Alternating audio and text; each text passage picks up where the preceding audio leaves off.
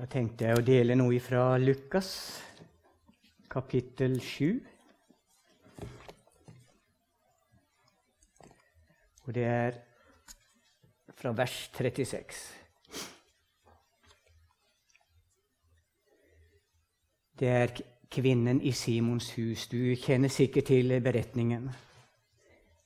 Og Jeg tar litt sånn, eh, noen vers om gangen, og så prøver jeg å komme med litt tanker som jeg har fått. En av fariseerne innbød ham, altså Jesus, da til å spise hos seg. Jesus kom til fariseerens hus og tok plass ved bordet. Litt spesielt å høre at det var en fariseer. For vi leser i evangeliene at Jesus ofte var i konfrontasjon med nettopp fariseerne de skriftlærde. Men her altså en fariseer som hadde invitert han inn. Hva som lå til grunn for innbydelsen, det vet vi jo ikke. Men jeg tenkte å ta litt fram akkurat det med fariseer og fariseismen. Og det er noe jeg har funnet fra Illustrert bibelleksikon. Fariseismen regnet ikke med menneskets radikale fordervelse. Den hevdet at mennesket fra fødselen av har både en ond og en god drift i seg, men at den frie vilje kan overvinne den onde drift og fullbyrde Guds lov. Så fariseerne levde altså i et selvbedrag. Og et annet ord som ligger nær til med tanke på livet deres, det er å være en hykler. Og her kommer en beskrivelse. Hykler i Nytestamentet betyr i virkeligheten skuespiller. En som prøver å leve seg inn i noe han selv ikke er. Og nå er det slik at uh, Bibelen får fram alvor med det å ikke være en hykler for oss som er kristne òg. At vi lever med Ja, at vi er uh, åpne med våre liv, og at vi lever i samsvar med troen vår, og at vi ikke gjør oss til for andre, men at vi er oss selv innenfor Gud og innenfor mennesker. Jeg har lyst til å lese litt fra kapittel 18 i Lukas. Og jeg tror jeg har vært inne på det litt tidligere her i denne møteuka. Men da leser vi fra vers 10 eller vi kan ta fra vers 9 om fariseeren og tolleren. Han fortalte også denne lignelsen til noen som stolte på seg selv, at de var rettferdige, og foraktet de andre. Og Det tenker jeg det er veldig lett for et menneske som er selvrettferdig, og tror at en i seg sjøl kan følge Guds lov og føler at en lykkes med det, at det lett kan oppstå en sånn nedlatende holdninger overfor de som ikke får det til. Og det kommer veldig sterkt fram i denne lignelsen. To menn gikk opp til tempelet for å be. Den ene var en fariseer, og den andre en toller. Fariseeren sto for seg selv, litt atskilt de andre, og spesielt tolleren og sa, 'Gud, jeg takker deg fordi jeg ikke er som andre mennesker', røvere, urettferdige, horkarer eller som denne tolleren. Jeg faster to ganger i uken og gir tiende av alt jeg tjener. Men tolleren sto langt borte. Han ville ikke engang løfte øynene mot himmelen men slo seg for sitt bryst og sa, Gud, vær meg synder nådig. Jeg sier dere, denne gikk rettferdiggjort hjem til sitt hus, ikke den andre. For hver den som opphøyer seg selv, skal fornedres.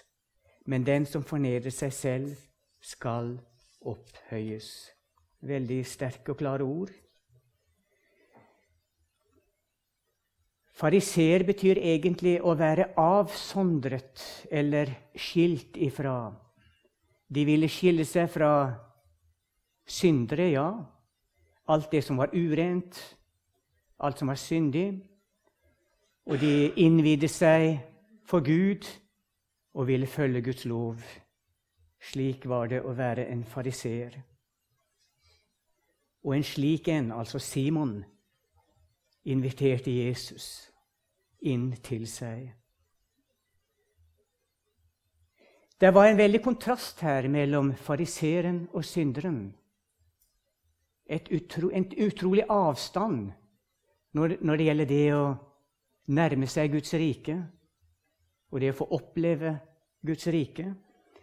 Og det blir en veldig kontrast også i denne beretningen her når vi leser fra 37, vers 37, kapittel 7.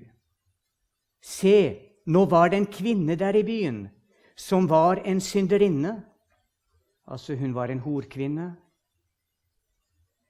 Da hun fikk vite at Jesus lå til bords i fariserens hus, så kom hun dit med en alabastkrukke med salve. Jeg tenker som så det der er utrolig modig gjort.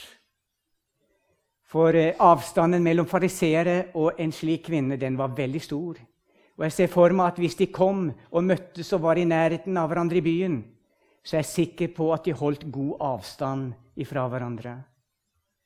Fariseeren ville ikke nærme seg de syndige, holde de på avstand. En nedlatende holdning. Kanskje han ikke ville ha sett på henne, Simon, hvis han hadde truffet henne på stedet der. Og jeg tenker at hun òg, hvis hun møtte fariseerne, disse prektige kledde, så er jeg sikker på at hun òg holdt god avstand og ønsket ikke dette nedlatende blikk og denne arrogansen som hun sikkert opplevde blant fariseerne der.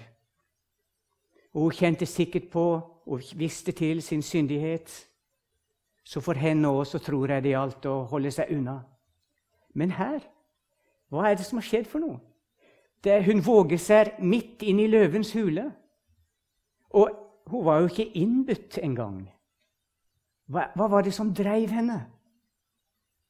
Jo, det var en der inne hun hadde fått greie på var til stede, og det var Jesus. Og når jeg leser denne beretningen, som vi skal gjøre, så tenker jeg at hun må ha fått en berøring. Hun må ha vært i nærheten av Jesus før. Hun har måttet ha fått hørt om han. Hun må ha kommet til en tro på han. At han er den som tilgir synd. At han er synderes venn. Ja, det er jeg overbevist om. Ellers så hadde hun ikke turt å nærme seg fariserens hus. Hun stilte seg bak Jesus, står det her, vers 38, ved føttene hans og gråt.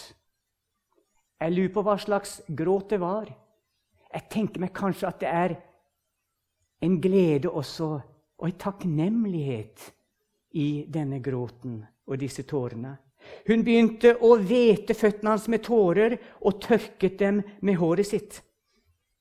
Og hun kysset føttene hans mange ganger og salvet dem med salven. Tenker kanskje at dette var en dyr salve også. I hvert fall kommer det fram andre plasser om nardussalve. Det var en dyr salve. Kanskje noe av det mest kostbare hun hadde i sitt hus. Jeg jeg synes at dette er en, Hun sier ikke et eneste ord, men handlingen er en eneste stor kjærlighetshandling overfor Jesus. Der ligger en tilbedelse, og der ligger en takknemlighet overfor Han, som hun får vist når vi leser dette her. Og jeg tenker på at det, det kommer fram litt seinere i teksten at Jesu føtter de var skitne. Og hun altså kysser disse skitne føttene til Jesus, hveter dem med sine tårer og tørker skitten med håret sitt. Jeg syns det er en veldig sånn sterk beskrivelse av hva som sprengte på i hennes hjerte. Men da fariseeren som hadde innbudt ham, så dette, sa han ved seg selv. Han kjente henne. Var denne mannen en profet, da visste han hvem og hva slags kvinne det er som rører ved ham, at hun er en syndig kvinne. Altså mennesker de vil holde seg vekk ifra, ikke identifisere seg med, som de ikke hadde noe hjerte for. Men Jesus, han har hjerte for syndere. Han lar seg berøre av syndere, og selv røres han av syndere. Sånn er Jesus. Fariseeren var opptatt av de ytre ting, den ytre renhet ofte. Men Jesus han ser på dypet og er opptatt av den indre urenhet som han vil rense og ta bort og tilgi. Jesus sier det urene kommer fra hjertet, sier han. Vi kan lese litt fra Markus 7, 20. Og Jesus la til det som kommer ut fra mennesket, det gjør mennesket urent. For innenfra, fra menneskehjertet, er det de onde tankene kommer. Utukt, tyveri, mord, hor, griskhet, ondskap, svik, utskeielser, ondt øye, spott, hovmod, uforstand. Alt dette onde kommer innenfra og gjør mennesket urent. Der bor ikke noe godt på bunnen av oss. Mens fariseeren var opptatt av kalkede graver, og var blinde for hjertets urenhet, så ønsket Jesus å avsløre dette ved sin tale og sitt nærvær, sin renhet, for at mennesker kunne få behov for å bli renset av den kilden som han representerer. Jesus han kom nær til syndere. Og han var ikke opptatt av disse ytre urenhetene. Ja, han kunne til og med berøre spedalsk, en spedalsk mann en plass i Bibelen. Og de skulle han holde seg langt vekk fra. Spedalske de skulle gå med skitne, fillete klær og la skjegget gror hos mennene. da. Og skulle, når noen nærmer seg, så skulle de rope til dem 'uren, uren'. Altså 'hold deg unna, hold deg unna'. Men Gud, Jesus han har medynk med mennesker. 'Herre', sa denne spedalske, 'kan du gjøre meg ren?' Og så legger han hendene på han fysisk. 'Jeg vil bli ren'. Jesus lar denne syndige kvinne berøre seg, og det beveger hans hjerte. Og så sier Jesus til Simon, vers 40 eh, Da svarte Jesus og sa til ham, 'Simon, jeg har noe å si deg.' Og han sa, 'Mester, si det.' En pengeutlåner hadde to skyldnere. Den ene skyldte ham 500 denarer, den andre 50. Men da de ikke hadde noe å betale med, etterga han dem begge gjelden. Vi har ingenting, vi mennesker, å betale med. Vi står i en dyp, dyp syndegjeld overfor Gud. Men han vil tilgi, han vil ettergi, og han etterga dem begge gjelden. Hvem av dem vil elske ham mest? Så her blir vår synd å ligne med en gjeld innenfor Gud. Simon svarte og sa, 'Jeg antar den som han etterga mest.' Og han sa til ham, 'Du dømte rett.' Der er et skyldbrev som er skrevet i himmelen, som går imot oss. Et gjeldsbrev som vi kan lese om i Kolossenserne 2. Vi kan lese fra vers 13. Også dere var døde, altså åndelig skilt fra Gud ved deres overtredelser og uomskårne kjød. Men Gud gjorde dere levende sammen med Kristus idet han tilga oss alle våre overtredelser. Han utslettet skyldbrevet mot oss, som var skrevet med bud. Det som gikk oss imot, det tok han bort da han naglet det til korset. Så Jesus ble gjort til vårt skyldbrev. Det var han som ble naglet til korset. Vårt skyldbrev. Og så tok han det bort, alt sammen. Jeg leste ei bok av Asbjørn Aavik, nå husker jeg ikke tittelen, men der han forteller om eh, situasjonen hjemme på Sørlandet. Og de var utrolig fattige, og mor var blitt enke. Og En dag så skulle Asbjørn ro mora over sundet, der hvor kjøpmannen holdt til. Og mor hun var så dyster og så stille, og han kunne se at hun var så nedtynga og så bøyd hele veien over til handelsmannen. Og så henta hun fram noen få varer og la på disken. Og da de sto der, hun og handelsmannen, så trekker han fram ei bok, og så åpner den, og så snur han boken til henne. Og der var det ei lang liste med matvarer som mor var skyldig. Og så blei det dørgende stilt, og hun står der med bøyd hode. Og så tar kjøpmannen boka til seg igjen, og så henter han fram en rød blyant, eller hva det var, og så setter han en lang, tjukk, rød strek over hele gjelden til enkemora til Asbjørn. Og hjem igjen på turen. Det var en helt annen mor.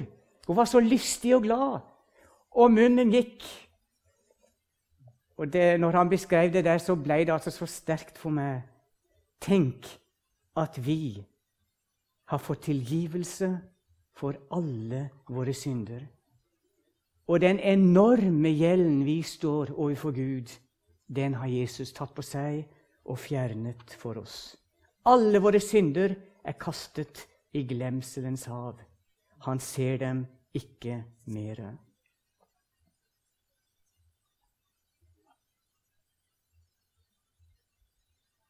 Du dømte rett. Så vender Jesus seg fra vers 44 mot kvinnen og sa til Simon.: Ser du denne kvinnen? Det er nesten som han presser hode og blikk. Kanskje han nesten ikke har sett på henne idet hun kom inn, når han så hvem hun var.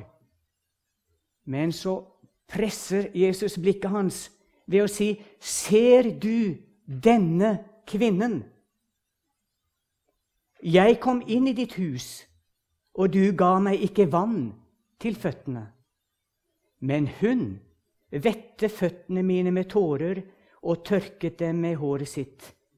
For en ydmykhet!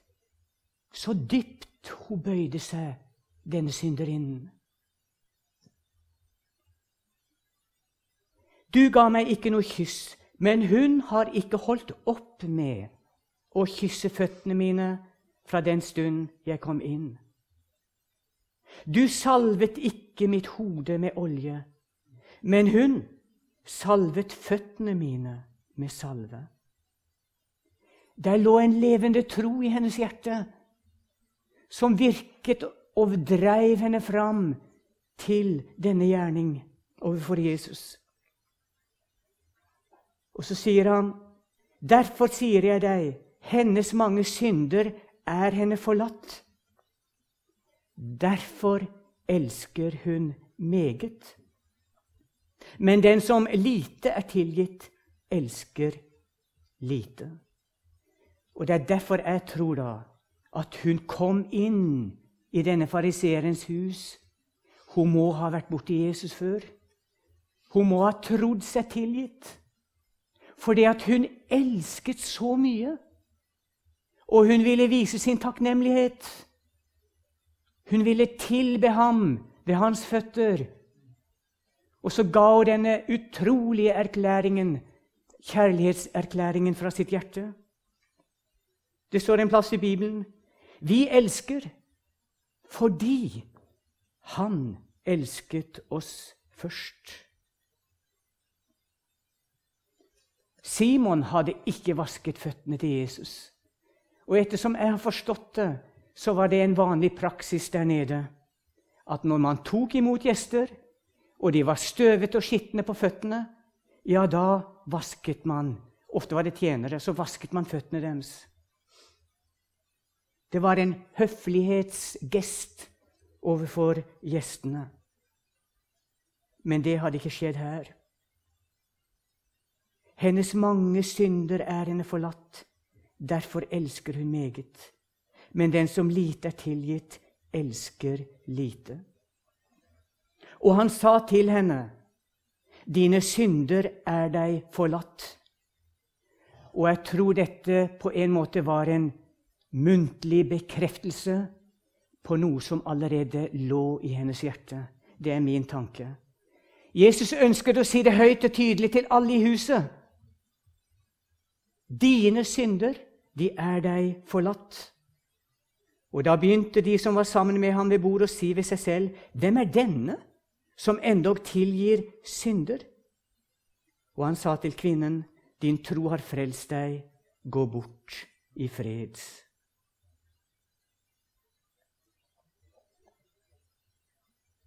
Og dette her er løsningen for alle mennesker. Vi må få et personlig møte med Han. Vi må få tro oss tilgitt. Vi må få se at vi er fortapt uten Han. Og den eneste redningen, det er at vi får gripe Han i hånda, og at Han kan få reise oss opp.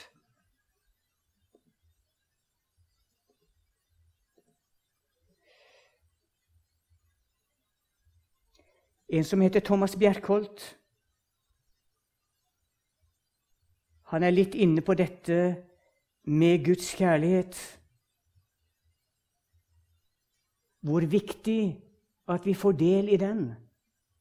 Og så beskriver han den menneskelige kjærligheten, filos-kjærligheten, at den rekker bare et lite stykke.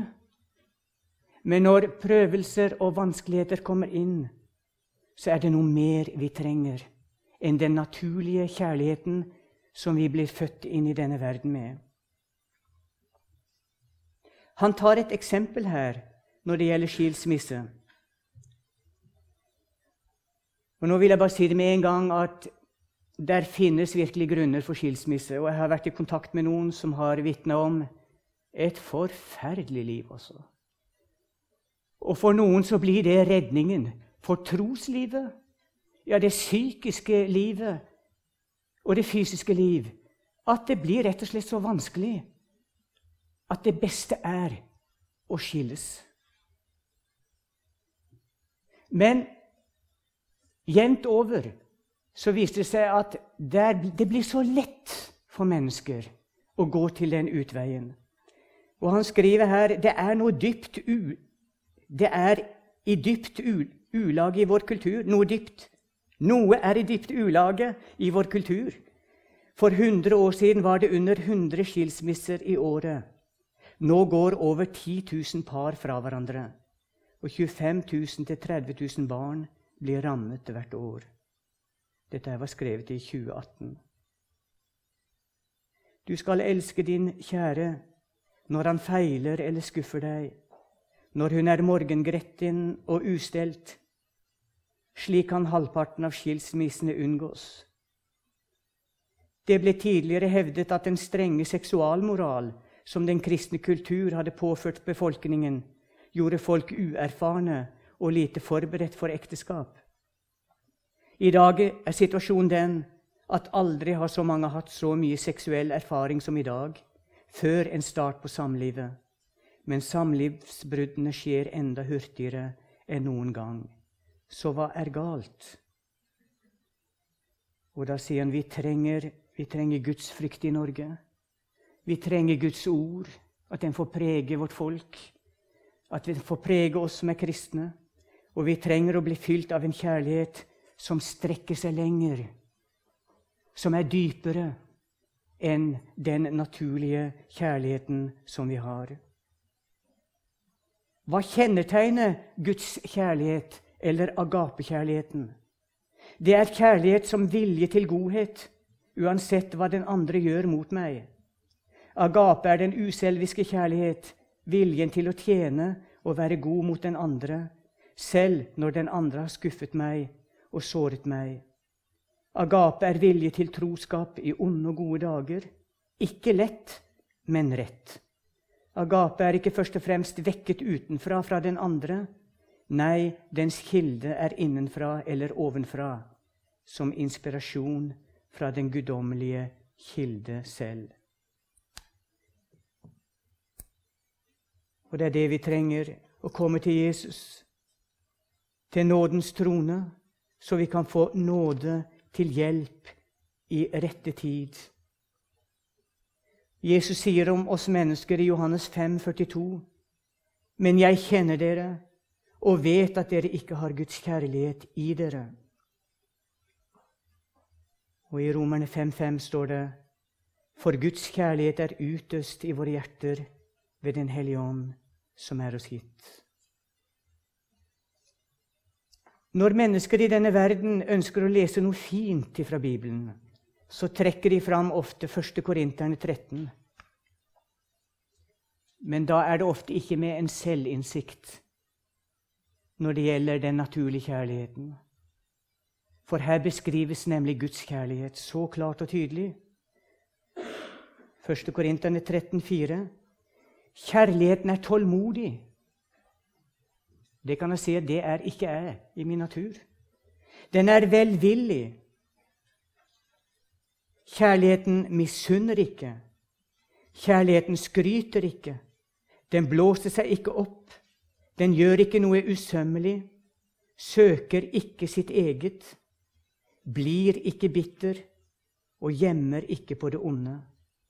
Den gleder seg ikke over urett, men gleder seg ved sannhet. Den utholder alt, tror alt, håper alt, tåler alt. Og dette er en beskrivelse av Guds kjærlighet klart og tydelig. Og det er den vi må forsøke å bli fylt med i vår hverdag, i de mange ting vi står i, i de mange ting som vi møter av utfordringer. Så er det å vende blikket den rette veien. Herre, hjelp meg, Jesus. Dette makter jeg ikke. Jeg trenger å bli fylt av deg, av din ånd din kraft i møte med det som ligger nær til. Og jeg syns at denne kvinnen uttrykker noe av denne kjærligheten, som våger seg inn i en fariseers hus uten å være innbudt, og som utøser denne takknemligheten og lovprisningen til Jesus. Et hjerte som har trodd seg tilgitt. Et hjerte som elsker mye. Og Derfor tror jeg at den, eh, den viktigste kilden til å leve i Guds kjærlighet er nettopp at vi har blikket festa på Han som henger der på korset, som betalte vår gjeld og viste slik en kjærlighet til oss. Og at vi går inn i Guds ord og at vi stadig får en bekreftelse av Han på hvor høyt Han elsker oss, og at det fyller vårt hjerte og fyller vår hverdag, så vi kan møte hverdagen med Hans kraft i dette nye livet. At vi kan vandre i Den hellige ånd i vanskelighetene som vi møter. Med blikket festet på Han som er troens opphavsmann og fullender. Og så står det et veldig fint vers til slutt fra andre korinterne, vers 18. Men vi som med utildekket ansikt ser Herrens herlighet som i et speil, altså her, i ordets speil Vi blir alle forvandlet til det samme bildet som vi ser her. Fra herlighet til herlighet som av Herrens ånd. Det er på en måte en åndelig lov. Vi blir forvandlet. Ja, ved å se inn i Skriftene, ved å se på Jesus, ved å se hans kjærlighet og offer, ved å betrakte ham, så blir vi han mer og mer lik. Du har sikkert sett Det er jo fantastisk, da. Å se inn i et barneansikt det er å se, som å se inn i Jesu ansikt. Et barn stråler fram en himmelsk renhet og uskyld. Og hvis du kommer over et barn, da, så f.eks. i en barnevogn, og du titter ned, og så ser du bare et sånt et smil, et sånt salig smil. Og når du ser det smilet, så kan du ikke la være med å smile tilbake. Det gjør noe med det. Og sånn tenker jeg det er å se inn i Jesu ansikt. Når Han får smile til oss, så griper det våre hjerter, og vi blir Vi må bare smile tilbake. Han gir oss glede. Han gir oss å tilbe Ham. Fordi Han elsket oss først, så elsker vi Han tilbake.